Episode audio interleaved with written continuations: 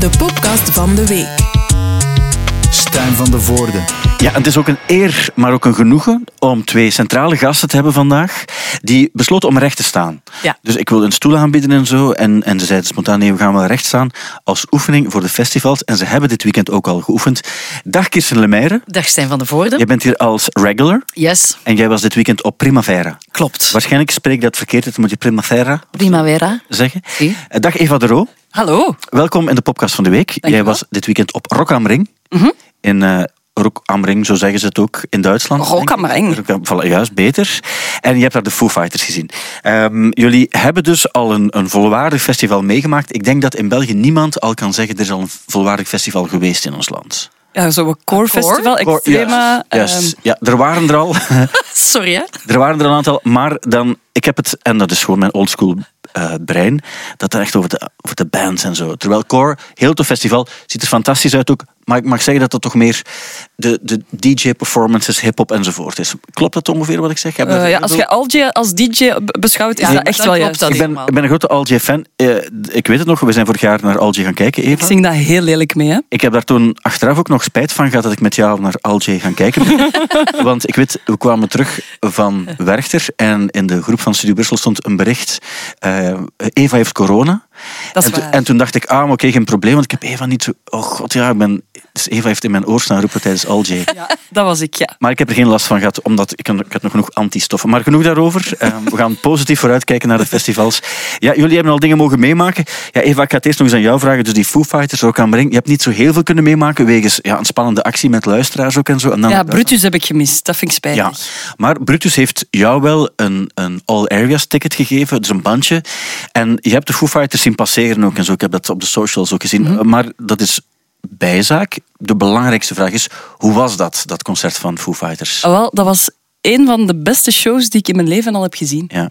Was het een combinatie van de muziek en zo die je hoorde, en ook het feit dat er van alles achter schuilde? Ah, wel, eigenlijk vooral hoe goed en hoe strak dat hij een band was. Ehm, het emotionele, dat, dat was er wel, maar dat, eh, Dave Grohl had dat omgezet in een zotte eh, podiumenergie. Ja. Het stond gisteren ook nog op zijn Instagram van hoe meer dat jullie aan mij geven als publiek, hè, hoe meer...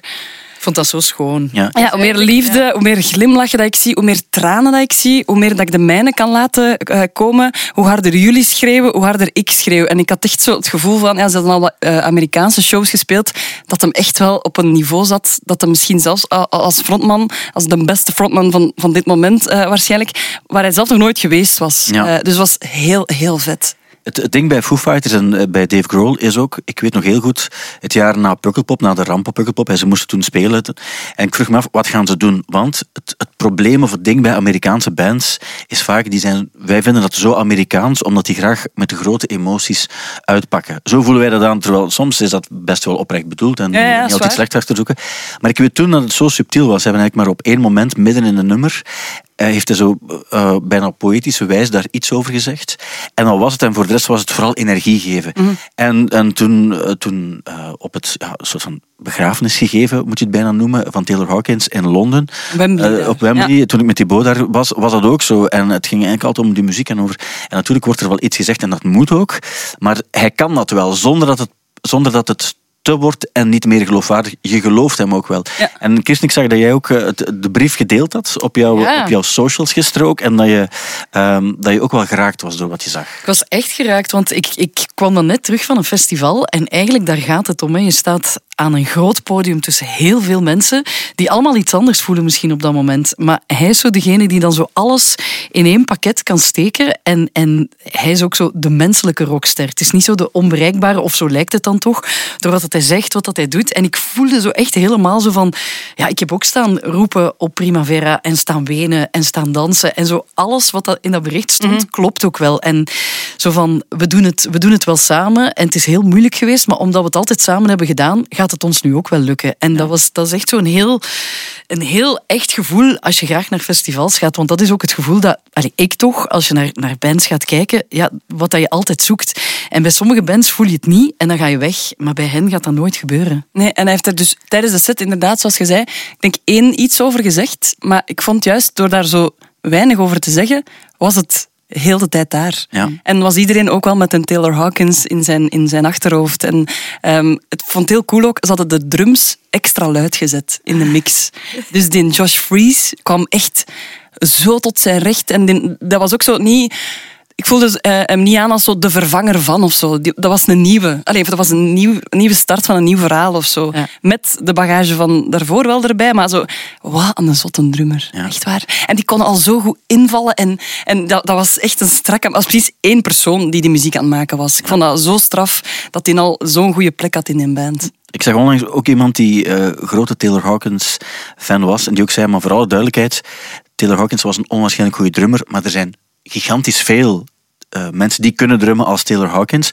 Alleen hij had alles mee en hij was ook wie hij was. En hij hoorde, hij hoorde bij die Foo Fighters en was een goede vriend van Dave Grohl. En daarom is dat ook veel meer geworden. Het is ook omdat, Dave, omdat mensen voelden dat Dave Grohl daar zoveel last van had. Dat is ook extra veel sympathie. Los van het feit dat altijd ergens dat er iemand sterft. En ik snap dat gegeven ook wel, dat je, dat je, ehm, je, je maakt dat ook op een duur ga je denken, er is niemand anders die kon drummen zoals Taylor Hawkins. Er zijn zoveel mensen, nee, er zijn, er zijn niet zoveel, maar er zijn best Ja, wel een aantal mensen die zo kunnen drummen en dat ook kunnen. Alleen ja, je wil dat bijna niet geloven en je, je Ja. denkt van het hoort er allemaal bij. En ik, absoluut, ik volg helemaal wat je zegt, die subtiliteit door het niet te veel te zeggen. En je weet ook dat, dat al die mensen die daar zijn, die weten ook... eh dat, Kennen het verhaal? Voilà, die kennen het verhaal. Dus dan is het net zo cool, net zoals bij dat Pukkelpop ding, dat je er één keer iets over zegt, om dat te erkennen bijna. En dat je, dan, dat je dan de mensen iets geeft dat, dat even krachtig is of krachtiger is. Doe mij ook denken aan het concert van eh Nick Cave vorig jaar op Primavera. Toen Ja. was dat heel die toestand met eigenlijk ja, zijn tweede rouwproces op zeer korte tijd, tweede zoon verloren. En hij heeft daar toen tijdens het concert ook zo iets heel korts over gezegd, maar iedereen wist van het gaat daarover. Hij zei Ja. ook iets van ah, this is for my two boys. En er waren effectief twee zonen aan het rondlopen op het festival, maar er waren ook twee zonen hè, Mhm. daarboven. En daar zei hij zoiets over, maar zo super subtiel. En dan kwam, ehm, ik denk, I need you of zoiets. Dus ja, heel, die, heel, heel dat publiek wist van het gaat daarover. En op dat moment komt dat zo hard binnen, voel je dat allemaal zo hard. En dat is ook zoiets van, Ja. doe het subtiel en, en mensen snappen het wel als de muziek dan komt. Ja, want hij heeft eigenlijk zo, het was bijna een greatest hit show. eh, met dan drie nieuwe nummers maar van de plaat. En ze, ze hebben één albumtrack gespeeld, die in Aurora. Ja. En dat was voor Taylor Hawkins. En dus dat was ook zo van, ja, jullie weten, dat was zijn favoriet Foo Fighters nummer. En daardoor gaat dat ook zo'n classic worden. Ja, het was ook het eerste waar hij op gedrumd heeft, denk ik. Klopt dat niet? Eh, dat kan zijn. Hij zei vooral, ja, het is zijn favorite eh, Foo Fighters song Ja. ever. Ehm, maar dus ik vond het ook wel leuk dat Dave Grohl zo echt eh die andere drummer, de nieuwe drummer, laat shinen zo. Ja. En daar is hij zo goed in om andere mensen echt eh, een podium te geven, maar het hoogste podium ter wereld. Zijn dochter was er ook bij, Violet Grohl. En ook super schattig. Dan zei hij zo van, oké, hier bij mij komt nu de beste zangeres ter wereld. Denkt als, als schattig. hè, want, Als papa moet je dat zeggen. Hij zegt dan direct, ik ben een papa, ik zou dat moeten zeggen, maar het is ook gewoon echt zo. Eh, en dan vertelde hij dat ze mee op tour is, dat ze bij hem slaapt eh, in de kamer. En, en ze zei, hij zei van, ja, het is mijn favoriete persoon om eh roomservice mee te bestellen. En dat doen we in elke stad dat we spelen. En we gaan dan samen, voor we optreden op een festival, gaan we samen de bands checken. Ja. Dus vandaag zijn we Limp Bizkit gaan checken op de zijlijn. Prachtig vader-dochter moment. En dus we gaan dit nummer ook opdragen aan Limp Bizkit. En dan, dus dan kwam Violet eh, Grohl op. Ja, die neelt het daar totaal. Die kan echt inderdaad Ja. fantastisch zingen. Ze hebben die Shame eh, samengespeeld. Ehm, en dan zei hij ook zo van, het is ook heel fijn voor mij als oudere frontman om in het publiek ook jonge mensen te zien. Al die generaties. Ik weet het, dat klinkt nu cliché hoe dat ik dat zeg, maar Dave Grohl zegt dat beter. Eh, zo van, voor, voor mij draait het hier ook om. Dat ik hier met mijn dochter dit kan doen. Be- Het belangrijkste van mijn hele leven is muziek maken. Ik kan dat hier met mijn dochter doen. En er staan daar ook ouders met dochters in het publiek. En dat maakt het voor mij... Allee, je voelde wel zo, die zat in een goede filosofische eh, vibe of zo. En ik, ik vond het ook heel schoon of zo. Ik dacht dan zo, oh, die Dave Grohl moet nu terug op tour. Allee, wat komt er allemaal bij die mensen naar boven? Maar hij heeft toch zo iemand bij van, hem, van thuis. Ja, ja. Zijn dochter. En, en dat is zo... Ja, ook ja, kind-ouder relatie. Dus dat gaat wel misschien hem deugd doen of zo. Ja. Om die energie mee te nemen op tour. Dus ik dacht, die zorgt goed voor zichzelf. Ja, ik denk ook dat hij het heel graag wilde, want is, dat is iemand die... eh, Ik snap het ook perfect als mensen zouden zeggen van ja, voor mij hoeft het niet meer, want ik heb dingen meegemaakt die traumatisch zijn of zo. En, en ik ga het afsluiten. Maar bij hem wist je van, die gaat niet stoppen. Want dat is gewoon iemand Dat die, wil spelen ook. En, Mhm. dat, eh, en ik heb zijn zus, eh, zijn, zijn, zus, zijn dochter ook zien zingen op die Taylor Hawkins special in, in Wembley. En ze heeft toen een nummer van Jeff Buckley gezongen. Ja. Maar dat is onwaarschijnlijk hoe ze kon zingen. Zalig. En die komt gewoon zo op. Die doet niks cool of zo. Die stapt gewoon echt zo bom, bom, bom. En dan begint hij te zingen. Het is niet dat hij zo haar armen in de lucht steekt. Zo van, yo, rock am ring. Of die doet niks met tegen dat publiek. Nee. Zegt gewoon zo, hello. Ja. En dan begint hij te zingen. En iedereen heeft zoiets van, what the fuck. Maar op die tribute was dat ook. Dat was echt zo een moment. Het werd heel stil. En dan denk je van, amai, zo, die is nog super jong. Dan moet je ook wel zo de klik in je hoofd kunnen maken van, ik sta hier nu. Of die beseft dat misschien niet, of je beseft dat heel hard. Maar die, die neelden het daar Mhm. ook. Dat ik dacht van, amai, chapeau. Om het op die leeftijd al zo Maar ja, je moet, doen. je moet eens luisteren naar Last Goodbye van Jeff Buckley en dan proberen om het mee te voilà. zingen. Dat is een extreem moeilijk nummer om te zingen. En Ja. ook om het daar effectief te gaan doen. Dat was ook wel zo met die zoon van Taylor Hawkins, die Ja. Shane. Als die, toen- je, je staat voor een volledig Wembley en je hebt in principe nog nooit voor meer dan, dan 100 mensen of zo gespeeld. Ja. Ik weet wel, die zullen ook wel ergens gewend zijn aan, aan een groot podium, maar niet om er zelf op te staan ook. En om, ja, je kan jezelf altijd afvragen, wat was jij aan toen, toen je 14, 15, 16 was? Eh, dus dat zijn op zich wel kinderen... En bij die Shane zouden we nog kunnen zeggen, als hij, zich, als hij mis had gespeeld, niemand Ja. die hem dat kwalijk had genomen. Maar het was, het was er Het was zo strak. Ja. Ja, ik heb het gisteren nog gespeeld. Ik speel het af en toe nog eens, die versie. Ja. En altijd in de app van Studio Brussel komen dan superveel berichten binnen van amai, tranen, kippenvel. Allee, zo, iedereen voelt dat ook heel hard, omdat die aankondiging van Dave daar ook aan zit Ja. aan het begin. Zo van, eh, hij moest erbij zijn, hij is erbij. Graag jullie applaus voor Shane Hawkins. En dan, dan begint het al. Hè. Het spectaculaire op die avond was ook, of die dag, want het begon al 's middags, dat er zoveel onwaarschijnlijke figuren samenkwamen op een podium. En, en toch was, was Mm. dat het hoogtepunt. Eh, Ondanks het feit dat je niet zo te, te gemakkelijk wil meegaan in dingen die geforceerd zouden zijn, maar dat was niet geforceerd. Nee, Dat was goed aan. Het viel mij ook op, ik was, ik- dit weekend dacht ik, ga ik nu naar die plaat luisteren van Foo Fighters. Ik kan soms bij bepaalde bands het gevoel hebben van, ik heb, ik heb het gehoord, ik hoef niet... Verzadigd. Ja, een soort van... En toch als je er dan naar luistert, denk je van, dat is eigenlijk wel een goed gemaakte plaat. En toch, zeker als ik jou dan ook hoorde eh, toen je geweest was, dacht ik van, ik heb eigenlijk ook, ik had ook zin om te gaan. Ja. Het is een band, op een of andere manier eh, blijft die wel meegaan en raken mensen hen niet beu, ondanks het feit dat ze veel spelen. Dat ze, we hebben ze al zo vaak gezien in België. Ehm, en hij gaat ook al mee sinds, sinds eind jaren tachtig, en zeker van op Nirvana-niveau, op, op, op hoog niveau. Het is wel straf eigenlijk, dat je zoiets kan blijven eh, doen en, en iets kan betekenen voor mensen, zo lang. Ja, dat is alleen omdat dat zo'n episch goede band is, denk ik. Ja. En een, en een, super En een figuur. Ja, een eh, frontfiguur die Maar- en die echt- hebben bijvoorbeeld Breakout gespeeld. Ja. Wauw, een goed nummer is dat. En echt, dat was zo hard, dat echt zo'n Nirvana-energie. Dat was echt, Ja. Ja, ja um, goede band. Ik denk dat we het erover eens zijn. Een interessant figuur. En ook mooi dat het op die manier, als iemand sterft, dat je dan er toch iets positiefs uit kan halen. Op een, wat me ook deed denken aan vorige week, toen, toen uh, de Zimmerman-plaat hebben we toen nogal uitgebreid besproken. Wat eigenlijk net hetzelfde is. En dat gaat wel, zeker als je naar de tekst luistert, gaat wel vrij concreet over wat er is gebeurd. Maar de manier waarop en hoe het muzikaal is ondersteund, dat maakt het zo. Ja.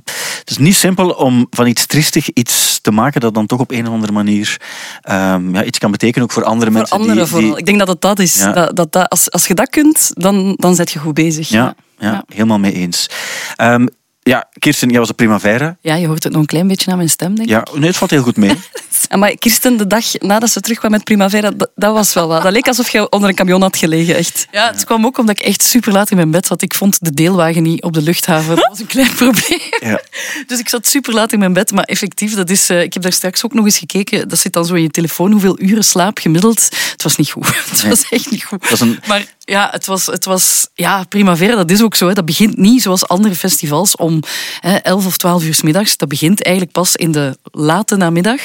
Um, dus ja, dat eindigt ook heel vroeg. En de laatste avond wil je er ook altijd bij zijn als de befaamde en hier totaal niet gekende DJ Coco afsluit. Ja, wat is DJ Coco? Ja, DJ Coco is eigenlijk een figuur uit de, de Barcelona-scene. Die speelt al jaren. Ik denk dat hij intussen ook... Ik, ik zou niet weten, die, die is eind de 50 of zo, denk ik. Maar die, dat is zo een... Uh, ja, een DJ die altijd in alle clubs in Barcelona heeft gespeeld. En die heeft op een bepaald moment ook een spot gekregen op, op Primavera om af te sluiten. Vroeger was dat een spot van drie uur, denk ik. Intussen is het een uurtje geworden. Want allee, dat, dat bleef ook maar duren anders. Maar het ding is, hij sluit ook altijd af met Don't Stop Believing van Journey. Ah, ja. En dat nummer wordt gespeeld als de zon al opkomt. Dus dan weet je hoe laat het ongeveer is eh, in Barcelona. En dat is dan, eh, dit jaar was het aan eh, de Ray-Ban stage, noemen wij dat nog steeds. Maar die podia veranderen altijd van naam. En dan Ja. kijk je eigenlijk naar de zee, zie je de zon opkomen en staat iedereen daar van Peace and Love, eh, Journey mee te zingen. Ja. Dus dat is DJ Coco. Die speelt eigenlijk van alles door elkaar. Zo echt een heel eclectische set, waardoor iedereen zoiets heeft van dat laatste moeten we toch wel meepikken. Dus dat laatste heb ik ook meegepikt en daardoor zag ik er maandag zo ver- verpletterd uit. Maar het was de moeite. Het was de moeite. Het was, het, ehm, het was de editie van zo de, de vele grote headliners en ook veel eh, ja, 80s en 90s bands die daar hun ding zijn komen doen. Eh, ik heb Blur gezien. Dat was super, super, super goed. Dus dat is zeer goed voor eh, de Lokerse feesten. Absoluut. Het was, eh, Damon Albarn was echt... eh, hij heeft was er komiek. Hij heeft er mega veel goestingen en, en hij kan zo soms zo wat, meh, zo een beetje hè, zo wat, zo wat ambetant staan, maar hij stond... Ja, hij, hij was echt in een goede moed. Heel veel interactie vooraan met het publiek. En als hij dan lacht zo met die gouden tand, Ja, ja. dat, is, dat, is, dat is super grappig. Dat is een andere lach plots. Dat is een andere lach plots, zo wat een evil, evil vrolijke lach. Eh, maar het was een hele toffe set. En bijvoorbeeld Tender, ik had dat al zo lang niet meer gehoord. Oh, speelde maar, die dat? Ja, die speelde dat. Dus plots was dat daar ook een of andere Gospel. hippie, gospel toestand. Iedereen pakte elkaar vast, was eh, van come on, come on aan het meezingen. Dus dat, dat, dat, dat blijft ook zo in uw hoofd. Blur was daar. Ik ben zelfs even naar John Cale gaan kijken. Dat was dan binnen. Ja. Eh, bijna wel in slaap gevallen, want dat was binnen. Dus dat is dan weer een beetje moeilijker. Maar zo, Ja. ja, die hebben dan wel... eh, die heeft dan met zijn band zo wel wat Velvet Underground stuff gespeeld. Dus dat is Ja, dan ja. wel heel tof om te horen. Ehm, verder New Order stond er ook. Mhm. Dat vond ik... hmm, ik had er meer van verwacht, ik ga het zo zeggen. Ja, het hangt van die setlist af. Hè. Ja, wel, het begon zo wat mak en het was ook niet altijd even, even, even zuiver of zo, de, Ja. de, de zang. Enfin, bon, je kunt daar doorkijken, maar het, het ging op dat moment niet. Eh, maar zo heel veel van die, van die ja, oudere bands die dan hun ding komen doen en dan staat daar dat gemengd jong publiek eh, met andere mensen die dan echt voor die band komen. Dus dat was ook zo, al die generaties door elkaar, heel tof. Want wat, wat waren zo de, de nieuwe of meer hippe... Rosalia. Rosalia, maar Ja. echt, dat was... Ja, en Fred Again natuurlijk, Ja. die op het einde van zijn set echt... eh, het ging plots comple- complete mist in, dus die begint aan zijn laatste nummer. Iedereen hyped up, iedereen staat er van oké, nu gaat het helemaal gebeuren. En plots valt alles uit. Dus je, ziet- ja, je ziet hem zo echt nog op zijn, op zijn nootjes, zo, op zijn klavier, zo tung, tung, proberen doen. Daar komt niks uit. Hij pakt zijn microfoon, werkt ook niet. Dus die moest zo plots afdruipen. En heel dat publiek, nee, dat kan niet, dat kan niet. Dat heeft dan zeker twee of drie minuten geduurd. En dan heeft hij wel nog kunnen hernemen. Eh, Skrillex kwam dan daarna. En bij Skrillex is er een van de trossen in brand geschoten van de lichttoestand boven Echt het podium. Ja, echt. eh, Het was, het, was daar, het was daar de moeite die avond. En die heeft ook, eh, dat heeft echt lang stilgelegen. Maar die heeft dan ook hernomen. Was dat goed? Dat was, ik, heb dat, ik heb dat niet gezien. Ik heb alleen de brand van ver gezien. Ah, ja. Omdat vrienden het aan, het- aan het filmen waren en zo. Was, Maar was Kendrick Lamar daar, daar ook? Kendrick was er ook. Ja. En dat Was dat? zeer goed. Ik heb het in het Sportpaleis gezien en ik vond het, ik vond het extreem goed. Ik heb het, Ja. De vorige festivals vond ik het nooit echt boeiend. Nee. Maar nu in het Sportpaleis vond ik echt heel Het was goed. zeer, een zeer strakke set, ook heel tof. Die had ehm, van die gigantische eh, backdrops mee, die altijd anders eruit zagen. Hij had er zeker, ik weet niet hoeveel hij er mee had, een stuk of tien, maar echt van die gigantische, geschilderde, mooie backdrops. En dat leek dan precies zo, echt als in een theater, dat je zo nieuwe scène, nieuwe scène. Ja, ja, ja. En, en dat bleef ook maar komen, maar hij was... eh, hij had ook een soort, ik heb vandaag een soort van broekrok aan. Kendrick had ook een soort broekrok Ah, aan. ja, maar dat is, Ja, een- ja. dat is nieuw Ik was, ja. ik was helemaal in de ban van zijn broekrokpakje en, en, en zo, dat was zo lichtblauw en dat dat, het, ging, het ging helemaal. Maar de set was zeer goed, het publiek was helemaal mee. En dan, ja, voor mij het hoogtepunt was Rosalia. Ik had daar super hard naar uitgekeken. Ja, dat is natuurlijk een thuisconcert voor haar. Ze heeft ook heel veel in het Catalaans gepraat en ik kan dan wel een beetje Spaans, maar ik dacht van, nu versta ik er toch niks van. Maar zo tussen tienduizenden Spanjaarden staan en die Spaanse chicas, als die beginnen gaan en Ja. zingen, dan is vertrokken. Hè. Dus we stonden daartussen, die konden elk woord meezingen, maar ook zo het commentaar ertussen. Zo van, ah, mira, eh, kijk guapa. En, en dan zo van, kijk, wat, eh, allez, zie hoe dat ze haar mond nu doet. En echt waar, haar heupen. En zo, alles, alles van commentaar konden we dan wel verstaan. Maar dat was een zalige, zalige set. Heel goed. Die, die gaat een uur, dat is een Duracell, eh, dat is echt zo'n Duracell konijn. Die staat te dansen, te zingen, super Maar die zingt goed, hè? Dat Die zingt ongelooflijk. En dan geeft hij zo even de micro van voor. Zodat dan de, de eerste aan wie ze hem gaf, was echt zeer slecht gekozen. Want die man kon echt totaal niet zingen. Dus dat was er volledig naast. Uh, maar Eva, je hebt het ook gezien. Hè? Ja, dat is wel een waarschuwing voor wie gaat kijken. Werchter gaat niet van voor Nee. Ja, of net wel. Ja, want Ja. voor je het beseft, ze steekt echt die micro onder iemand zijn neus. En het zou wel eens jij kunnen zijn. Maar, eh, ik- mijn Spaans is ook vrij goed, maar mijn Catalaans is niet goed. En ik denk dat ik daar door de mand ga vallen. Maar, Maar het leuke het zou aan- zo goed zijn, moest je, ga jij eens van voor gaan staan? Echt. En dan, ja, maar je weet ook niet welk stuk tekst het wordt natuurlijk. Hè, maar, eh, Stel je voor, dat is, dat is mijn hoogtepunt, dat ik met een broekrok aan, want mannen doen dat op festivals tegenwoordig, mega zingen met Rosalia. Dan weet ik dat ik er, dat ik er wel nog bij hoor in Het ding, 2021. en ja, het ding is, die show is ook zo, zoals in Vorst. Hè, dus die camera's op het podium, die steps op het podium, alles wordt van heel dichtbij gefilmd. Zij krijgt soms zelfs ook de camera. Dus het is alsof je gewoon voor haar staat, dat je Ja. alles kan meevolgen. En ze is zo prachtig. Het is prachtig. Maar naar energie, zo, die, is- die geniet ook echt van op Ja. dat podium te staan. Ja, Hè? en het is ook echt, en er is ook ruimte voor zo de echtheid in een concert. Mhm. Want tuurlijk, dat is een geregisseerde show, er is van alles afgesproken. Maar op een bepaald moment zat ze achter haar piano, ze begint te spelen en ze hoorde iets uit het publiek en ze verstond het niet goed, dus ze stopt en ze zegt wat? En, en in Spaans zei ze dan, que no se oye. Zo van, iemand zei, we kunnen u niet horen, we horen die piano niet. Dus ze had hier iets zo van, oeh, je kunt mij niet horen. Dus ze staat recht van haar piano, gaat daar zo naar de, de mannen aan de zijkant. Zo helemaal in Spaans. En dan zo, ja, ze horen mijn piano niet. Allee, dat kan toch niet? Dus echt zo twee minuten dat. Die zet zich terug. Ze doet zo nog eens, hoort het nu? En iedereen, ja. En dan, dat zou in andere shows gebeuren, zo- zo'n Ja, ja. dingen niet. Want ik, ik wou dan ook Caroline Polachek, wou ik heel graag zien. Dat was ervoor. Ja, Christ, ik zei tegen mijn vriendin, Stijn van de Voorde zegt daarover dat dat de zangeres is met de keelgezangen. Maar eh, het was heel... Ja, dat, Waar ik, waar ik op zich veel respect voor kan hebben. Voilà, maar dus, eh, dus, en dat was, dat was ook loopzuiver, dat was super, maar die was zo heel afstandelijk. En dat had je dan niet bij Rosalia, waardoor dat dan een heel andere show werd. Je kan dan zo ja, van, van, van muziek of nummers of een artiesten houden, maar die, ja, die, die was zo heel... Ik denk dat die ook heel verlegen is in het echt, dus dat dat een soort van schild is. Dat zo heel... Ja, Rosalia heeft wel bakken charisma. ja, die, Ja. Die, die, dat, dat kan die ook niet schelen. Die zit ook haar haar nat te maken op het podium. Die was ook helemaal nat. Heeft ze gehuild? Ze heeft, nee, ze heeft, haar flamenco-nummer heeft ze niet Ah. gedaan. Dat had ik dus verwacht, maar dat heeft ze niet gedaan. Maar dat is wel goed, want een artiest die elke keer huilt bij hetzelfde nummer, dan Ja, klopt maar het. blijkbaar, want ik dacht ook zo van, ah, amai, die huilt, die is even geëmotioneerd als ik eh, toen in Vorst. Ja. Eh, maar dan heb ik daar met mijn Spaanse collega-vriendin over gesproken en blijkbaar is dat gewoon iets eh, flamenco. Dus dat is iets dat ze leren op de flamenco-school. Mhm. Ja. Dat je op het intenste een moment van een flamenco-song, dat je dan Er moet kunnen komen. wenen. Ja. Dus het is niet dat hij dat faked, zo van... eh allee, dat is gewoon... Ik vond het wel leuk dat er zoiets echt traditioneel in zit. Ja. En dat is blijkbaar ook wat, wat de Spaanse gemeenschap zo tof vindt aan haar. Ja. Dat ze vuile reggaeton combineert met wel zo echt... Een lach en een traan. Ja, Traditie. Ik was, ik was dus aan het wachten op dat nummer, omdat ik dacht, als ze dit nu hier gaat doen, da- dan gaan al die Spanjaarden dan meezingen. Elke letter, elk woord, elk, elke emotie, alle tranen gaan ook komen. Maar achteraf bekeken dacht ik, het is misschien goed als ze het niet gedaan heeft, want achteraan staat er dus ook een stage. En je hoorde soms tussen de nummers door zo... Ah, ja, ja. Dus ik dacht, als ze Ja. nu dat nummer zou gedaan hebben, dan... eh, Het kan misschien een bewuste keuze geweest zijn. Ja. Maar ik vind het op zich wel heel fijn als je artiesten hebt die graag op een podium staan. Zoals Ja. je zegt, van, als die daar staat, die wil er volledig voor gaan. Of, of bij Blur ook bijvoorbeeld. Ja. Of, of Alex Turner de laatste keer was ook helemaal gemotiveerd. In tegenstelling tot, tot de laatste concerten die we gezien hadden. En dat, dat wil je toch zien. Je wil nooit iemand zien die, die ook maar half het gevoel geeft, zoals de, de Royal Bloods, die zich daar nu wat er proberen uit te praten of zo.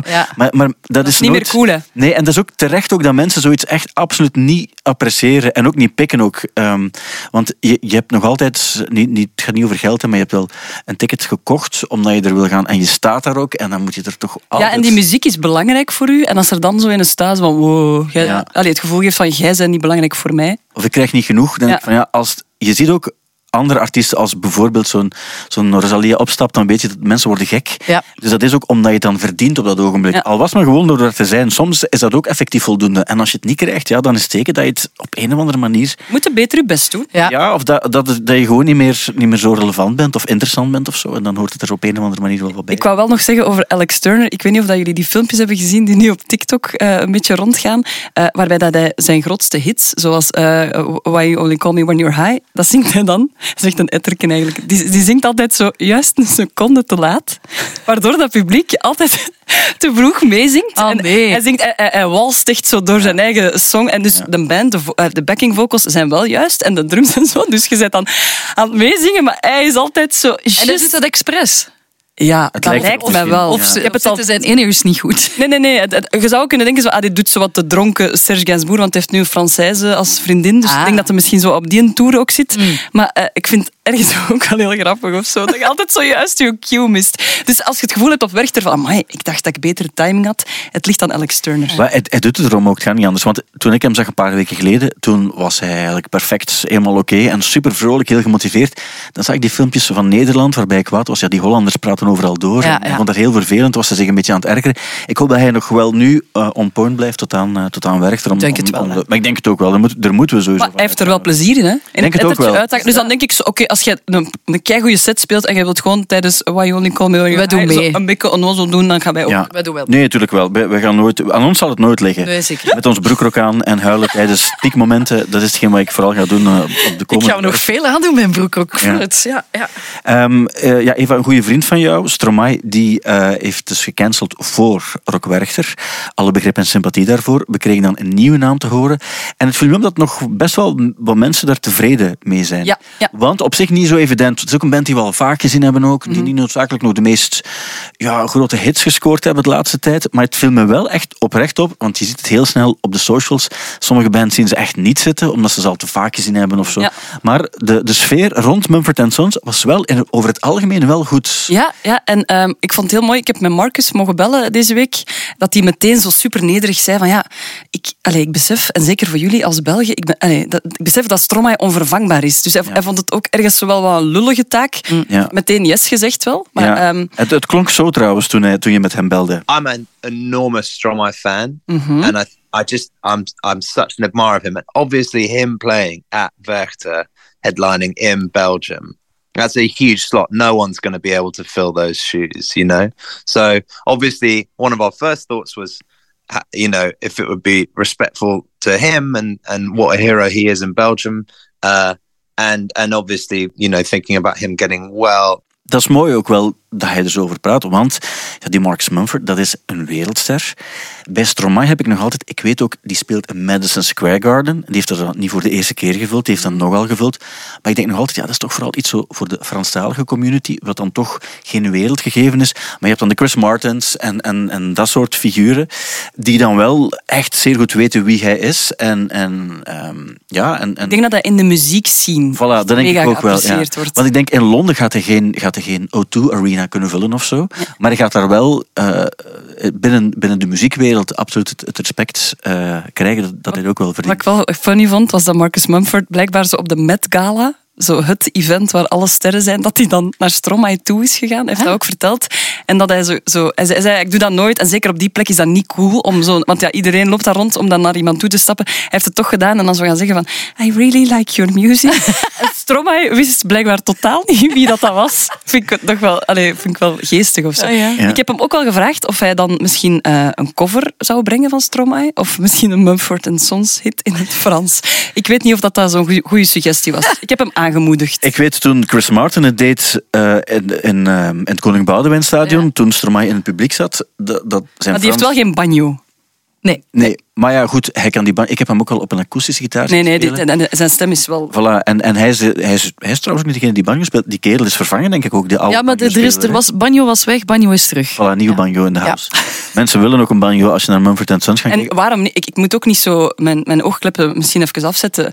Wie weet, er zit ook banjo in Stromae zijn muziek. Zeker. Ja, eh, er, ik denk dat je de muziek van Stromae met alle instrumenten kan spelen. Ja, waarschijnlijk wel. Het zal niet altijd even goed zijn, maar het is Nee. technisch wel mogelijk. En als, je, als er goede bedoelingen achter zitten, zoals bij Chris Martin toen, dan weet je ook dat eh, een Frans dialect of zo... Dat Ah, wel, wat hij zei, ik kan echt niet goed Frans. Maar ik zei, ja, maar een, een gemiddelde Vlaming kan niet zo super goed Frans. Dus let's go. gaat waarschijnlijk nog beter zijn dan, eh, dan dat van mij. Ehm, Oké, dan hebben we ook nog deze week Prince werd 65. Ehm, ik, heb, ik heb performing artist Stijn live in Sint-Niklaas een tribute zien spelen en dat was extreem goed. De manier waarop hij speelt op zijn piano en dan zingt en, en, en alle, alle nummers op zijn eigen manier brengt, ik vond dat best indrukwekkend. Ehm, volgende week speelt ook nog, eh, ook niet helemaal onbelangrijk, De Bos in ons land, volgend weekend. Eh, Bruce Springsteen, dat was gigantisch snel uitverkocht. Ja. Dat is de weide van Werchter. Gaat zo snel. Hij is gevallen hè, vorige week. ja, dat is juist, op ja. het podium, is gestruikeld op het Ja. podium. Ehm, en bam, direct weer recht. Born to run, hè. Nog een fitte kerel. Op de tijdloze geven we trouwens nog tickets weg voor het concert. Volgende week vrijdag. Ik geef het maar even mee als je wil luisteren. Eh, en dan, ja, dan eh, in de metal scene is er hier en daar iets te vertellen. Laten we beginnen met Slipknot. Dus de band heeft afscheid genomen van de toetsenist, Ja. Craig Jones, de man met de spikes in het eh, masker. En dan heb je ook nog Sean Crahan. Die gaat ook niet meer op het podium te zien zijn. Dat is de, percu- de percussionist, de clown. Ja, dat zijn twee OG's, hè. Ja, twee OG's. Eh, sinds de jaren 90, halfweg de jaren 90 zitten ze bij de band. Dus eh, ze gaan er ook niet bij zijn eh, op Graspop, de 17e, als ze daar spelen. Ik vraag me af, wanneer is een band niet meer... In, dus je hebt Wanneer is een band de band niet meer? ja, je hebt Als- zo, ja. Led Zeppelin, op een bepaald ogenblik zeiden ze, ah maar wacht, onze, onze drummer is gestorven.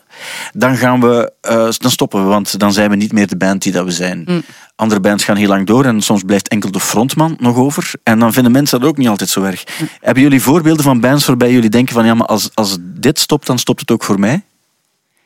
Ehm, Ik, kan een, een, ik dacht aan een, aan een raar voorbeeld, maar onlangs speelde de Fun Loving Criminals in Sint-Niklaas. Nu, Fun Loving Criminals in de jaren 90, dat was nog wel iets. Die hebben Werchter gespeeld, Ja. eh, Pukkelpop gespeeld. Dat was toen halfweg, zo 96, 95, was echt, dat was een grote band. Wat bleek nu? Alleen de bassist van de band, die is nu de frontman. Voor de rest is dat eigenlijk allemaal... Dus de Huey zit er niet meer bij. Het is alleen die, die, die Gaz, of hoe heet hij? Dat is de enige die er nog bij zit. Ja. Dan denk ik van, ja, dat is echt... Dat is bijna om te lachen. Dat is om te lachen. Ja. Maar ik denk dat dat vaak, va- vaak vasthangt met de frontman, toch? Vaak is zo dat toch wel, als, als de frontman wegvalt, dan, dan is er al veel weg, hè, denk ik. Dan, dan, dan moet wel- je echt al een hele goede vervanger hebben voor de frontman. ja, ik ben wel benieuwd. Portland heb ik nog niet gezien in de Ah, ja. nieuwe constellatie. Ja, Daarvan, de frontman Jente is er nog. Ze spelen Ja. op Werchter, dus we gaan dat allemaal kunnen eh, gaan meemaken. Ze hebben natuurlijk ook al die AB-show gedaan. Ik kon daar niet bij zijn. Maar ik ben wel benieuwd. Ja. Omdat ik die combinatie van hen twee... ja, Dat, eh, ja, dat klopte helemaal. Hè. En ik heb dat ook, nog altijd zo bij Balthazar, eh, eh, de vi- violiste. Patricia. Patricia, ik kan haar ook ja. soms wel nog eens missen. Ja, ik vond het ook wel Ah, tof ja, dat hij ja. daarbij was. Zo wat female energy. Maar goed, eh, daar, er gebeurt nog altijd van alles daar. Maar ik heb wel gezien in de AB, ik was er niet, hè, maar ik zag wel foto's. En dat dan de toetseniste die nu zingt, ja, die staat wel aan de zijkant van het podium. Die staat niet meer centraal. Dus Mhm. dat is al een verschuiving waarvan ik denk, hmm, oké, dat gaat misschien toch wel anders zijn. Vind je dan dat hij bijvoorbeeld... Allee, hij mag doen wat hij wil, uiteraard. Ja. Maar dat het misschien logischer zou geweest zijn om eh, onder een andere naam of onder zijn naam... of Nee, ik denk ook dat dat soms dat dat een beetje gewenning is. Ja. Dus Ja. nu zeg ik dit, ik ga die dan op Werchter zien en wij allemaal. En dan gaat dat zo zijn van, ah ja, ja, Portland. Ja. Allee, ik denk dat maar- daar wat tijd voor nodig hebben. Als Ja, het dan goed blijkt te zijn, hè? Ja. Ja. waar Maar- ik wel in geloof. Eh, Maar je- hij zou ook, eh, en het, nogmaals, het hoeft Gewoon.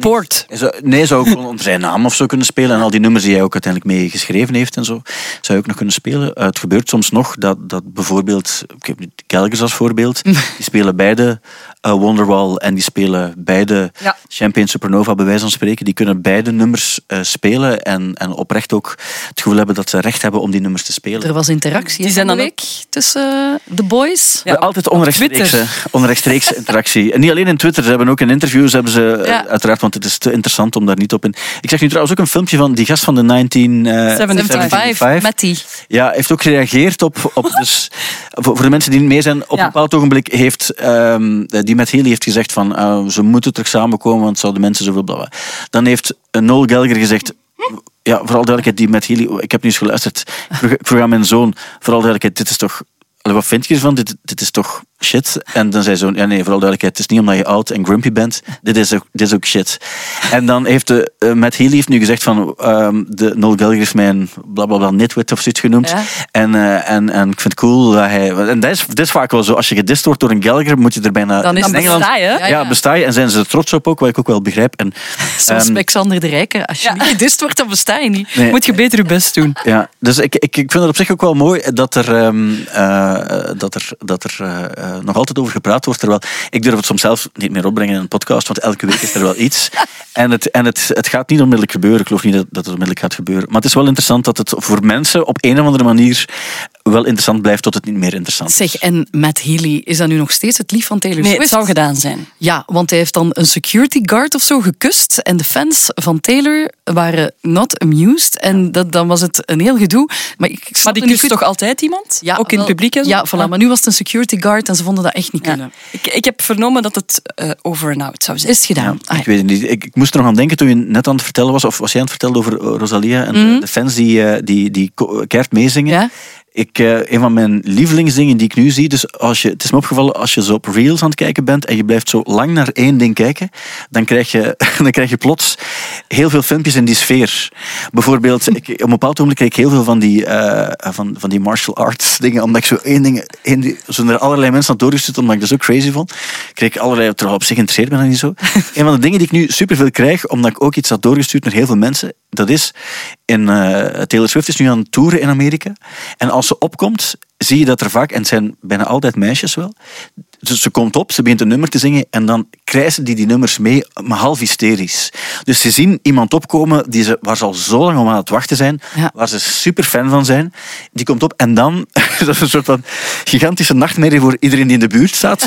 Want die beseffen niet meer wat ze aan het doen zijn. Dat is verschrikkelijk. Iemand die aan het meebrullen is, ergens enthousiasme Ja. een concert. Ik ga dat altijd stimuleren en, Ja. en fantastisch om mee te maken, maar niet de hele tijd. En dan heb je die. Spaanse chicas nog niet bezig Wel, gehoord, ik heb ze nog niet bezig die, gehoord, Die waren nee. dan ook helemaal zat en zo. En Ja. die begonnen dan ook in de nek van, elkaar, van iedereen te kruipen, ook te duwen. Er is er dan eentje flauw gevallen voor mijn voeten. Ja. Dus die, die gingen er volledig over. Ja, en ook als je zo hard roept, Ja. je adem raakt op. Dus je wordt zo wat ijl van een soort zuurstoftekort. Dus eigenlijk is dat gewoon ene loop richting ja, slecht worden, ja, denk ik. richting flauwvallen. En dat is dus gebeurd. Ik dacht, ja, voilà, je bent te hard gegaan in het begin. Maar wat ik er zo cool aan vind aan die specifieke filmpjes is dat die, dus die zingen niet of zo. Dus alles wordt eigenlijk monotoon meegebruld. En vaak gaat het over nummers die ik niet ken, want ik heb op zich veel sympathie voor de persoon Taylor Swift. Maar de, de, de manier waarop nummers die ik niet ken meegebruld wordt door drie meisjes die heel kwaad aan het kijken zijn, terwijl die zijn niet kwaad. Maar die kunnen, Maken ze niet per se beter, die nummers. maar ja, ik vind het extreem fascinerend. En die spieren en, die, en dat gezicht, dat trekt samen. Dat lijkt alsof die plots een nummer lang vol botox zitten en niet anders kunnen dan, dan verkrampt meebrullen. release. Ja. En ik denk, ik vraag me af op dat ogenblik, Horen die Taylor nog? vinden die, vinden die dit leuk? Want ja, dat kan niet anders. Die hebben er zo, je ziet dat ook. En ik vind dat schoon, ik vind het oprecht ontroerend dat je zo naar iets uitkijkt en dat je dan hysterie, terwijl ik ben ook, kan ook heel hard fan zijn van bepaalde dingen, maar niet op die manier dat het, zo, dat het je lichaam verkrampt. En dat je klanken uitstoot waar eh, ooit Maar ik Caroline Polachek nog iets van kan. deze werchter ga ik wel met jou naar Liam Gallagher gaan kijken. Eh, Ja. En dan hoop ik wel op een, ergens een, een, een gezichtsspier die eh, helemaal dol gaat. Hè? Maar ik denk, mijn enthousiasme zit op een andere, dat situeert zich op een andere manier. Het is de rechtervoet die zo tapt. Ja, nee, maar ik weet het, want ik heb jou wel enthousiast gezien en ik altijd zo, amai. Dat- Allee, ik moet even zo eh, wennen. Zo. Maar ik kan heel Dan- enthousiast ik vind dat tof, hè. Maar... dat is ook zo, en dat is, we hebben het er ook al een paar keer over gehad in de podcast. Als mensen iets winnen, stel je voor, ik heb het nu niet gehoord het ogenblik dat die mensen. Ja, de van Foo Fighters. Jawel, dat was, dat was zo. Dus ik zeg, Ja? jij wint. Ik moest een nummer trekken. Daar staat 40 man echt zo hoopvol naar mij te kijken. Zo van, hoe kunnen we... Ik geef u alles als je mij gewoon nu Nee, ja. naar Foo Fighters laat. En dan wint Vincent. En die zo, jee! En die komt naar mij en ik zeg zo, wow, ik zeg, oh, ik had, het zelf, ik had zelf zo trillende benen omdat ik al die gezichten zo zag. En, en ik vroeg dan zo, amai, hoe blij ben je? Ja, ça va, zegt hij. En dan zo, en, en wat voor Foo Fighters fan ben je? Ja, ja, wel een toffe band, zegt hij. Oké, Maar dat is natuurlijk iets anders. Maar stel Maar, nee, nee, voor. maar die was mega fan. Ah, oké, maar Op dat moment, Ja. die was gewoon zo flabbergasted. Want dan achteraf dacht ik, ik hoorde zo, collega's sturen zo, zeg, die mag wel enthousiaster zijn en zo. Nee, dat vind ik dus niet. Want Nee, is- want ik dacht ook, je- allee, dat is echt Sommige mensen zitten anders in elkaar. Dat, is ah, dat is soms zo. Iemand wint een, stel je voor, ik win een onwaarschijnlijke prijs. Of iemand zegt, je hebt En dan euro- zo, Stijn, kan je eens even gillen? Ja, maar dan denk ik van, fuck you, ik ga niet gillen. Want ik ga wel heel enthousiast zijn. En ik ga, als ze aan mij vragen, wat vind je ervan? Dan ga ik nu zeggen, ja. Ik ga zeggen, maar dit is onwaarschijnlijk, merci. Zoiets ga ik zeggen. En ik ga het ook oprecht menen. Maar ik ga niet gillen, omdat sommige mensen zitten anders in elkaar en enthousiasme kan zich op verschillende manieren uiten. Dus als, iemand een prijs wint, vind ik dat superbelangrijk dat hij niet moet gillen. En ook als hij zegt van, amai, ik ben heel blij, dank u wel. Dan denk ik, dat, is, dat kan heel echt zijn. Dat is heel, ja, ja, Da- dan, want soms voel je, voel je mensen die zeggen, ah ja, dat is juist, joe, zeggen die dan of zo. En denk ik, ja, maar dat moet eigenlijk helemaal niet. En, Zo, en- ah. ja, maar bij een concert is dat net hetzelfde. Nee, en weet je wat? Ik, ik had zelf al de hele dag wist ik, ik mag straks naar Rock am Ring. We gaan vertrekken Ja. met een bus. We gaan, allee, ik vond dat zelf al vrij spectaculair. Maar ik was daar al een hele week aan aan het wennen, aan dat idee. Ja. En dan nog vond ik het zo van, amai, straks stappen we echt in die bus. Dat gaat hier gebeuren. Voor die gast, die heeft zoiets van, ah, eh, oké, wat, eh, is dat echt? Allee. Totdat je daar zijt. Allee, en dan zelfs dan beseft dat dat soms nog niet. Hè? Ja, nee, nee, maar absoluut. En, ik- maar het is gewoon, ik ben ook blij dat er ook andere mensen zijn. Want ik ben blij dat als ik naar een concert ga, dat er heel veel mensen zijn die niet zijn zoals ik ben. Dat die wel extreem enthousiast zijn. En, en zelfs ook de hysterisch meebrullende, dat die er bestaan. Want dat zorgt tenminste voor sfeer. Ik ben, ik ben geen leuk publiek. Allee, ik, ik ga klappen. Ik ga, wel, ik ga altijd klappen en zo bij dingen. Altijd. Maar ik ga niet, niet voor, de, voor de, de juiste sfeer zorgen. Zo. En dus je moet een beetje... Maar dus bijvoorbeeld, heel concreet. Blur speelt Tender op de Lokerse Ja. feesten. Wat ga je doen? maar ik, ga geen, ik heb geen dansroutine of zo in mijn hoofd. Ga je erbij. meezingen? Ik ga wel... Ja, Ga je iemand vastpakken? Dat is echt het moment hè, om zo. iedereen te, vast te pakken. Ja, en- maar dat, dat weet ik niet zeker. Of ik, maar ik ga er En dan zo te zeggen van, ik apprecieer u echt. Zo van, Love's the greatest Maar ik dan, oh ja. Nee, maar ik kan wel, ik kan wel, ik kan wel een beetje mee. Ik kan niet de hele tijd zo stok. Ik kan wel een beetje meegaan. Dus er gaat wel iets, ja. Ik weet, maar het, is ook, het hangt ook wel van de omgeving en de plaats. Als mensen dan vervelend komen doen of zo, dat is niet altijd leuk. Nee. Maar ik weet toen ik met Thibaut naar, naar Liam Gallagher ging kijken, bijna exact een jaar geleden, dan, dan was een soort, dat was een heel ander, dat was een heel vrijgegeven. En ik weet dat dat veel vrijer aanvoelde, zodat het eigenlijk heel plezant was. En, Ja. en dat, dus er zijn, het hangt een beetje van de plek af en, de Ja, ik denk omstandigheden, dat we denk niet ik. te veel naar u ook mogen kijken. Zo. Snap je? We Ja. mogen niet te veel focussen. Nee, Ja, maar- Laat iedereen gewoon zijn ding laat doen. hem zijn ding. Maar, maar ik vind ook, sowieso, je moet op een concert iedereen altijd zijn ding laten. Ja, ja, zeker. Dan heb je de beste, de beste sfeer. En ik weet dat er altijd... En zelfs de mensen die enkel Wonderwall kennen, ook prima. Met Liam Gallagher in België, dat is nooit...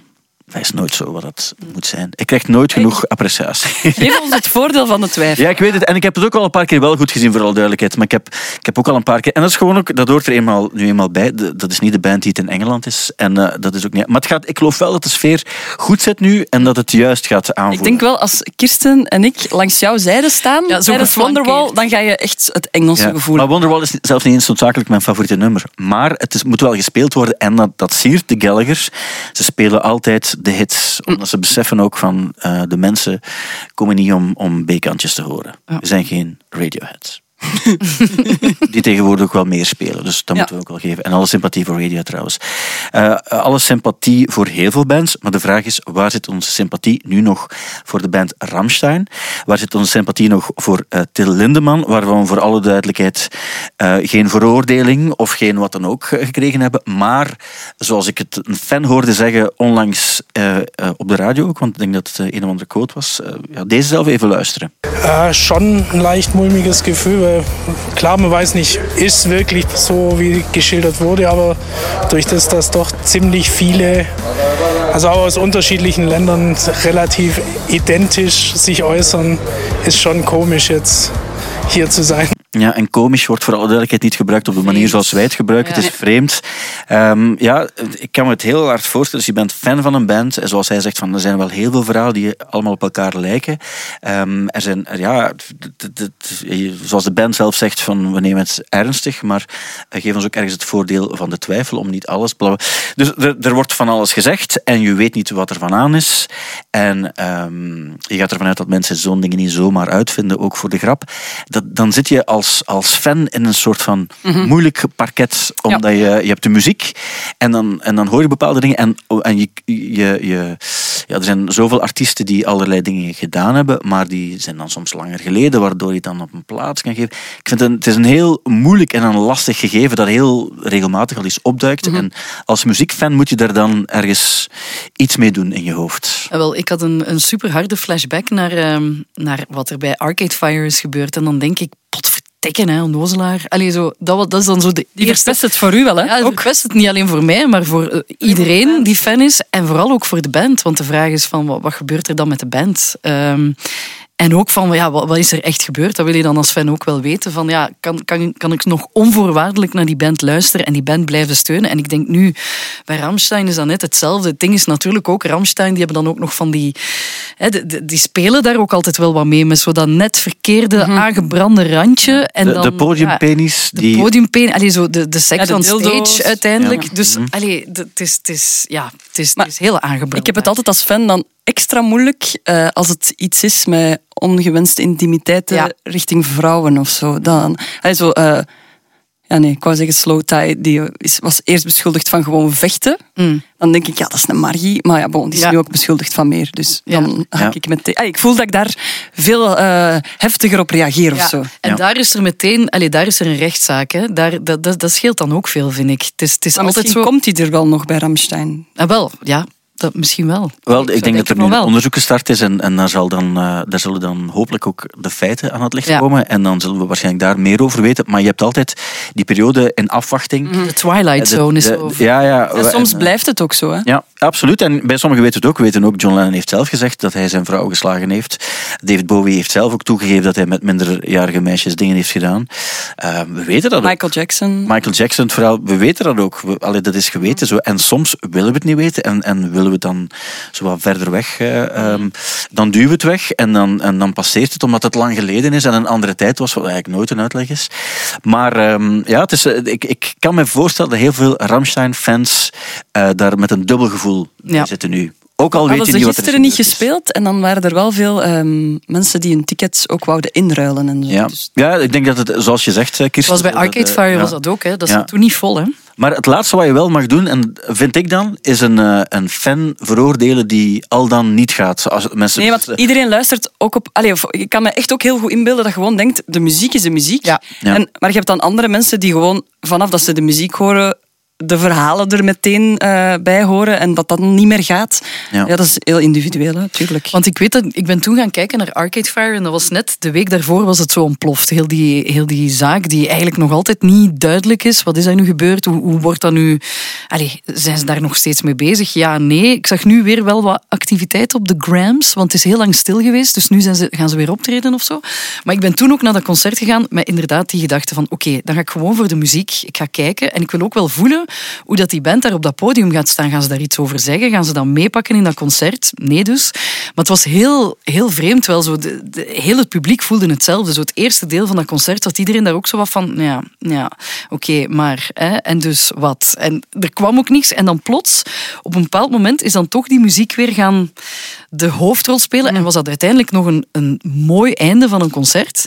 Maar toch, dat, zo dat dubbel gevoel, dat is, dat is ja, minder, hè? dat is minder. vervelend. Ja. Dat, is, dat is gewoon zo van, ah, het is kapot. Het is, het is wel een beetje kapot zo. Ah, wel, Vandaag is het de verjaardag van Kanye West. Ja. Gelukkige verjaardag, Ja. Mr. West. Ehm, en daar heb ik dat eh, ook heel erg bij. Die ja, is dan beschuldigd van totaal wacko uitspraken, maar ja, die kerel heeft iets, denk ik. Mm. Ehm, voorlopig is hij nog niet beschuldigd van iets, Nee, nee, bij, behalve zijn uitspraak. bij Kanye is het gewoon, maar ik denk dat het een soort van rare schreeuw om aandacht is altijd. Ja, eh, ja. Ehm, maar eh, bijvoorbeeld, zijn, hij heeft nog één een lijn eh Jesus bij Adidas, hè, zijn, zijn zijn modelijn. ja. Ehm, en Adidas weet ook niet zo goed wat ze ermee moeten doen. Ik had het daar net over met een vriend. Eh, en dus ze, die, ja, die, die, die, dat bestaat allemaal, die schoenen en die kleren. ehm, maar dus ze zeggen van ja, we gaan daar geen promo rondvoeren. En winkels, eh, ze hebben het opgestuurd wereldwijd naar winkels. Winkels mogen het ook niet in hun rekken zetten. Ik heb wel een mail gekregen van Adidas. Meent je het? Over de, echt waar, over de, de, de, de nieuwe Jesus schoenen ook. En in de app staat het ook wel duidelijk. Er is geen enkele link meer met Kanye West, want die, die bestaat ook niet meer. Ze hebben dat ook Ja. Maar ze hebben er zoveel geld voor betaald, waarbij ze weten van ja, dat is, dat is onze Jordan, bij wijze van spreken. Ja. En, en ik, heb er wel, ik, heb er wel, ik heb er wel wat van dat is een broodje aapverhaal. Want dan Ja. zei die vriend van ja, dan moet je dus echt naar de winkel gaan en zeggen... Ik wil Jesus. Maar, maar zoiets, ik- nee, dat is Zo heb ik het alles in, want ik wist het ook, want ik heb zelf een mail gekregen ook. En, En heb je en, nu? eh, nee, ik ga één ding zeggen, ik heb er thuis onder een broekrok. Ik heb er thuis liggen. Oké, ah wel. Ik heb er, maar nooit gedragen, vooral duidelijkheid. Maar ik heb, ik heb echt Ah, ja. van die schoenen van. En blijkbaar zijn die zelfs nog iets waard ook. Maar ik heb die nooit. gedragen. misschien niet lang, lang verhaal. Ja, ik denk het wel, want in de tijd toen hij wel nog bij Adidas Ja. eh, samenging ook zo. Maar die schoenen, dat zijn, dat, dat zijn crocs, hè. Je kan, je kan nu, dat meen ik echt, en ik vind dat tof, hè, schoenen. Ik vind het heel interessant, zo heel die, die, eh, ik heb nu die Air ook gezien over die film over, over Michael Jordan. Ja, ja. Ik vind het super interessant. Maar de, de link tussen Crocs en, en die, die, die jeans, dat is echt, dat is zo klein. En ik vind het heel grappig ook om na, de, Stel je voor, je bent gigantisch fan van, van, van iemand. En die brengt plots iets, en zeker bij een jonger publiek of zo, en die brengt dan iets uit. En dan denk je van ja, ik zal dat maar kopen, denk ik. Ik snap dat ook wel waarom mensen dat doen ook. Maar als je dat ziet ook, hoe dat, dat eruit ziet. Zo- los van persoonlijke Maar en toen- voorkeur ook. Toen je die dan kocht, waarom heb je die dan gekocht? Ja, maar dit is, ik heb die niet echt... Een investering. Ja? Nee, nee, zelfs ook niet. Het is een lang verhaal. Het is een lang verhaal. Ik, heb, ik heb er zelf, ik heb er zelf geen, geen geld in geïnvesteerd. Ah, ja. Maar het is, ik, ga ze, eens- ik, ga ze, ik wil ze zeker... Ik heb ze nog nooit aangedaan, maar nu, ik wil ze wel eens tonen. Ik zal ze een foto... Ik ga van, van En met een broek ook, hè? Ja. En dan gaan we zo stel je- tender gaan zingen op de Lokerse feest. Nee, maar stel je voor dat ik, eh, hoe, hoe, hoe triestig zou ik bekeken worden als ik met een broekrok en dan Nee, eh, nee. Jezus... eh, Nee, iedereen, we hebben net ervoor gegaan. Iedereen mag zijn wie, wie, wie Ja. hij is. Ja, ik denk dat er nu al een, eh, dat ik een bericht van Stefke op de website ga krijgen die gaat zeggen, zeg, eh ging daarover, die, kunnen we voor die foto eens doen, eh, dat kunnen we zo promoten. Maar Stef kan nu al zeggen, we gaan dat niet doen. Mag ik wel iets opbiechten hier in de, in de podcast? Zeker, dat is het moment. Ik heb eh crocs besteld op Vinted. No shame. Die zijn vandaag toegekomen. Ik moet ze nog gaan halen, maar ze zijn pastelpaars. Ja. En ik dacht daar volgende week mee naar Graspop te gaan. Maar ik vind het erger dat ze paars zijn, maar dat is om een andere reden. Ja, snap ik. Ehm, maar ik, ik vind een krok, ik vind... Dat is Nog nooit aangehad, hè? dus ik denk ook van oké, ik, ik vind dat wel vrij lelijke schoenen, Dat is, ja. maar dat moet toch Gemakkelijk. briljant Ik vind het ook, zitten. absoluut. Ik, ik heb ooit een foto gezien van Iggy Pop met eh fluo-roze crocs. En hij rocked de crocs. Hè. Ja, Pommelien Dus Thijs draagt ook crocs. Ja. Dus Ja. ik dacht, het- waarom ik Het niet? schijnt goed voor de voet te zijn ook. Ik, ik vind het net, ik vind het ook net, eh, het- als die, als die makkelijk zitten en je hebt er een goed gevoel bij, moet je alles kunnen dragen. Ja. Hé, maar wat, als jij nu eens naar Werchter gaat... Met crocs? Nee, nee, met die gebeuren. Yeezys en ik met mijn crocs. Die- ik zou het nog eerder met crocs doen, om, omdat bij Yeezy zou het echt heel krampachtig een poging kunnen zijn om... om Papa wil cool zijn. Ja, amai, en dat is, het- dat is het ergste wat er is. Zal ik, ook, ik kan op Vinted een paar shoppen. Ik heb maar 10 euro betaald. Nee, maar dan zou ik... Dan, eh, waar ik ja, nee, maar ik, ga nu gaan zeggen, ik wil zeggen, van, ik, ik, zou, ik wil dan voor jou iets kunnen kiezen en, eh, en omgekeerd... nee, dat is weer zo'n verhaal. maar het gaat weer zoiets zijn dat fout afloopt. Waar iedereen ongelukkig eh, gaat zijn ja, ja. achteraf. Dus dat gaan we vooral ook niet doen. Oké, ehm, dus ik heb ook aan jullie gevraagd of jullie eens konden nadenken over eh, een, be- een bepaalde eh, artiest die jullie nu geapprecieerd of iets meer appreciëren dan anderen. Ehm, en eh, ja, bij jou was het, Eva, vooral omdat je een, een mooi gesprek hebt gehad met eh, de mensen die verantwoordelijk zijn voor het enige nummer dat we voorlopig van hen kennen, en dat is dit. Ah. Het nummer dat start met de ABBA-intro. Hier is, hè. I have my sentence now. At last I know just how you feel. Het gaat over The Last Dinner Party. En dat is de hype van dit moment. Vreemd genoeg heeft Otto Jan Ham dat een maand geleden of zo al een keer. Plots was hij heel hard mee met de nieuwe muziek. Omdat Lara hem dat gedaan Omdat Lara hem dat getipt had, dat was het volledige verhaal. En eh, ja, voilà, het klopt ook helemaal. Het is een, eh, een eh, gigantische hype. En, en je hebt gesproken met de, de zangeres Abigail. van de band. Eh klonk een heel cool ook. Ja, Eh, ja, die is sowieso cool. ja. Daar zijn we wel echt duidelijk over, toch? Dat die cool is. Ze heeft Ja. ook zo maffe pakjes, maar heerlijke pakjes. Zo van die stagewear, zo echt heel eh brokante-achtige dingen. Zo. Ja, ja, echt Bridgerton, maar dan cool. Ehm, zij zei trouwens dat iedereen zegt dat het op ABBA lijkt. En dan zei ze van, ja, ehm, ik vind ABBA wel cool, maar ik luister nooit naar ABBA. Ja. Eh, die, dat is echt zo, dat is zo'n romantic vibe. Die luistert zo naar Nick Cave en zo, eh, Kate Bush-achtig. Dus ik denk dat dat voor haar echt funny moet zijn, dat iedereen dan plots zegt, je klinkt als ABBA. Dat is echt niet wat dat die in mind had, denk ik. Ja, nee, en, en eh, je hebt ook gevraagd of ze naar België zou komen. Want ja, als er een gigantische hype is, dan komen die eerst wel in een klein zaaltje. En dan zie je die nog, nog net, zoals je ook ja, Arctic Monkeys en Botaniek en zo kon zien. Maar nu is dat, gaat het niet meer gebeuren, gaat onmiddellijk vrij groot zijn, denk ik.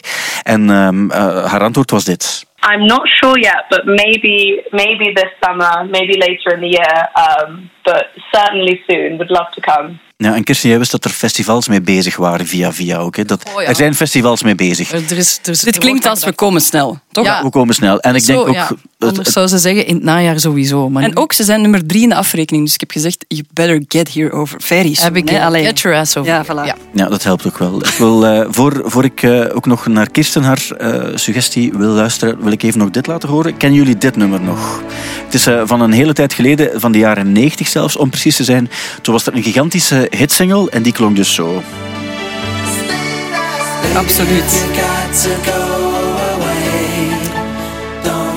Dat is een boyband, hè? Ja. Maar hoe heette ze weer? Oh, ja, dat is een schone frontman met wat geblondeerd in een potje. Eh, Ik ben blij dat hij... Eh, oh, oh eh, Nou, E17. Ja. E17. Die, die knappe frontman waar jij over eh, praat, die heeft intussen een bepaald mentaal traject nee. doorgemaakt. verbrand ook? Eh, nee, nee. eh, Brian Harvey is zijn naam en hij zet zich heel hard in tegen de tabloids in Engeland. Ah. En nu heeft hij deze week heeft hij een eh, live televisieopname verstoord met een afgeprinte mail die hij in het groot heeft dus laten afprinten, ehm, waarbij hij ooit drugs bestelde online. En eh, een of andere tabloid heeft via de politie dan die mail tussen hem en die dealer gekregen. En hij neemt het nu op voor Prince Harry. Je weet wel, de afgetapte telefoongesprekken. En hij is nu degene die eigenlijk heel hard aan het vechten is op een aparte website over celebrities die beschermd moeten worden tegen de tabloids. Dat is toch dat is een ridder eigenlijk. Absoluut. Alleen de manier waarop, die is op zijn voorzi- meest voorzichtige manier gezegd opvallend. Ja, wie print er nog mails af? Ja. Ah, wel, en dan nog op A1 denk ik dat hij ze afgeprint heeft ook. Maar ja, dat is, dat is het ding dat wij niet echt kennen toch. Hè? De, in- in, in België toch, we kennen niet toch, te onderschatten. we, we kennen toch minder toch in België. Hè? Zijn Ja. we het erover eens? Ik, ja, ik denk dat wel. Ik denk dat wij zeer beschaafd. Ja. Ja. Ehm, alleen zo de boekjes, die zijn wel echt nasty. ja. Ehm, in België ook? Ja, ik herinner mij, als ik zo net met Jan, eh, Ja. Jan Paternoster, mijn, mijn, mijn lief, bezig was, dan waren we zo wat gespot, terwijl we het eigenlijk zo nog wat intiem wouden houden.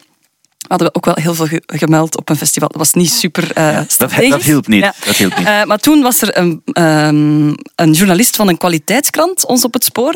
En dan zeiden we zo van, ja, weet je... eh, Was kwaliteitskant trouwens ironisch of niet? nee, dat was... eh, dat was nee, nee, nee, echt Nee, oké, ja, maar, kwaliteitskrant. maar ja, ik, heb, ik heb ook... Ja, zwart, ja, ja. ja. Nee.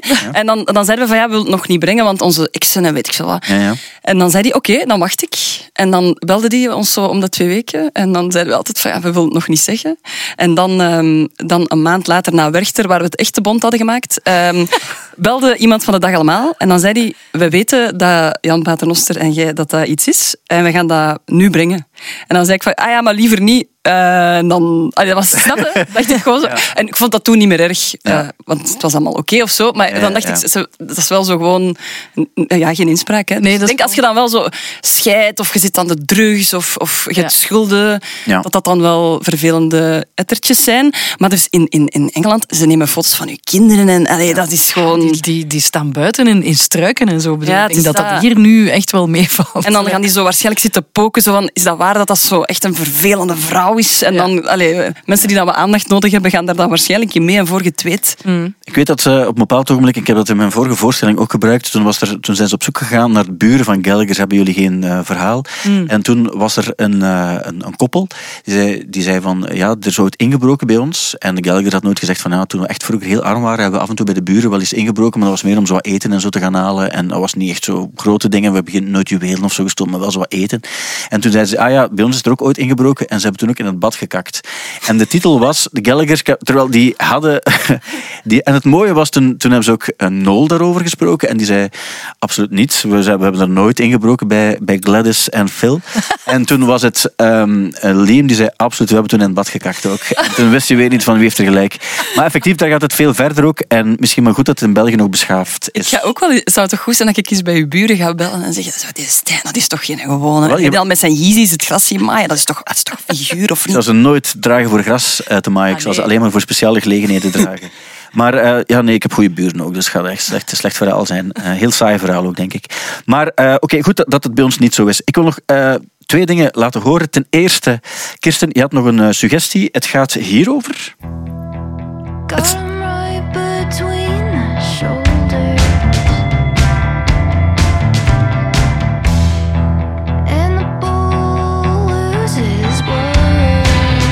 is iets wat je een soort van clean versie zou kunnen noemen van PJ Harvey. PJ Harvey die trouwens ook naar ons land komt. Ja, twee keer. Overal twee, keer. Absoluut. 9 en 10 oktober in het Ja. Koninklijk Circus. Maar het is een gloednieuwe band die jij gespot hebt dit weekend, het voorbije weekend. Ja. Over wie gaat het? Het, de band heet Wednesday. Dus Ja. dat, is, eh, dat is al redelijk actueel. Maar het is zo...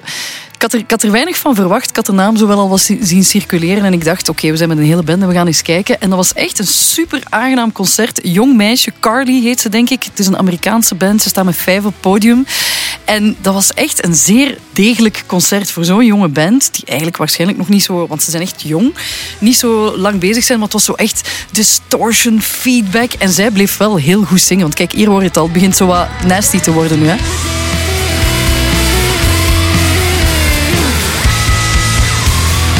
En het was echt, het was echt zo een ideale festivalband. Ik, ja, kent mij, ik ben dan te huppelen en Ja. te fladderen en te doen. En ik heb er heel het concert van genoten. Ehm, ze gaan wel nog een stylist moeten zoeken, want dat was een beetje een probleem. Ze had zo'n zwarte lippenstift aangedaan. Die na, denk ik, twee of drie nummers... Ja, tuurlijk, je bent aan het spelen, je bent aan het zweten. Dus dat zwart, dat hing over haar neus, dat hing hier. Ja. Ze had ook een broekrok aan. Zoals iedereen. Hetzelfde als ik, ja. Een broekrok in jeans. En dan, daaronder, dat was, dat was het verschrikkelijkste. Dan had ze zo witte kousen aan, maar dan zo eh, schoenen. Zo ook een beetje Abigail zou ze rocken onder zo'n zo, onder zo'n barokke outfit.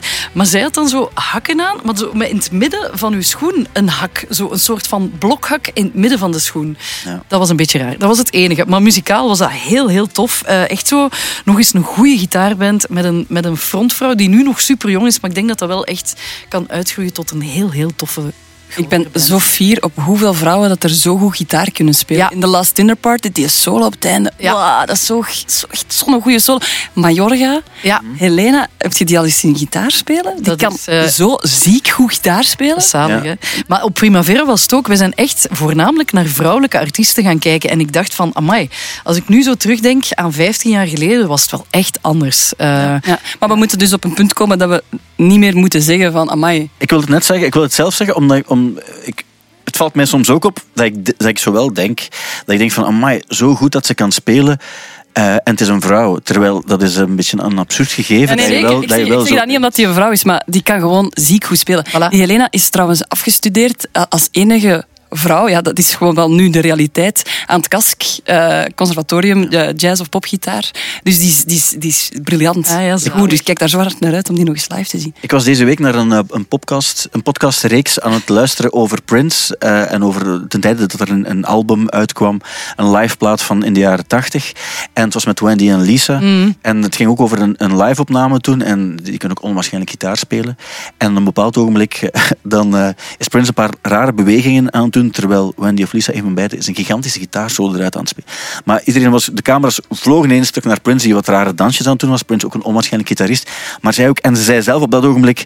ehm, ja, ik snap het wel, de camera's gaan naar, Prince, maar als ik mezelf hier hoor spelen, dat is wel een onwaarschijnlijke gitaarsolo. En, en zoals zij het zei, in die tijd speelden er nauwelijks vrouwen op die manier op een gitaar op een podium. En dat is ook wel zo. je had, eh, Michael Jackson had een, een, een goeie, die Jennifer Batten, die, die, maar je had, je had er wel, maar dat was niet zoiets. Een gitaarsolo werd bijna altijd, zeker in de jaren tachtig, eh, door een man gespeeld. En, en het is nog altijd een soort van een mannelijk gegeven wel. Het is aan het veranderen. En zoals je zegt, dit zijn voorbeelden daarvan en zijn er meer dan voldoende Ja. intussen. Maar het is de, je ziet die shift wel, eh, dat die wel al, al even bezig is nu. Ja. Oké. Ja, dat is Wednesday. Wednesday dus. En ik heb deze week de kans gekregen om een volledig album te horen waar ik zelf ook al wel even naar uitkeek. Dan gaat het over een album van deze man. Ah, begint al goed. Dat Mumford Sons? Nee, daar kijk ik ook altijd naar uit. Maar het is die eh, Green Chatten van Fontaine CC. Die gaat een, eh, Ja, een dat is eh, soloplaat uitbrengen 30 juni. Hoe heb je Eh, al geluisterd? Chaos for the Fly. Ja, ik heb iemand iemand van de plaatfirma heeft hem mij doorgestuurd. Nee, En, maar eh, die is zijn stem. Ja, en ik moet zeggen, want de laatste plaat van Fontaine CC, ik vond het wel tof, maar ik had het gevoel gehad van, ja, ik weet, ja, ik had het zo, ik was niet meer zo gigantisch onder de indruk. Maar dit zijn allemaal liedjes, het is heel melodieus, het is ook niet meer zo zijn, zijn eh, ja, declameren wat hij doet, het is echt, het is zingen ook, en op zijn, met zijn stem zo, ik vind het een heel goede plaat. En dat is onder zijn eigen naam. Onder zijn eigen naam. En wat is die naam? Green Chatten. Ja, Green Chatten, en de, de titel is Chaos for the Fly. En op 30 juni verschijnt ze. Maar je, je hebt nu al denk ik twee of drie nummers die op eh, Spotify staan. Of Apple Music of waar dan ook. En eh, die, die klinken al zoals de rest van de plaat. Klinkt hebben namelijk stem nog zeer niet goed gehoord, gemaakt.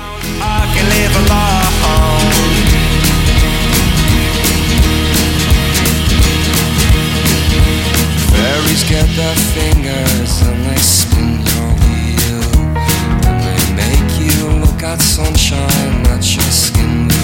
Die kan alles. Ah. Die, die- die- dat is echt, die zingt. Ik heb die gezien op Best Kept, eh, ja, dan met de band.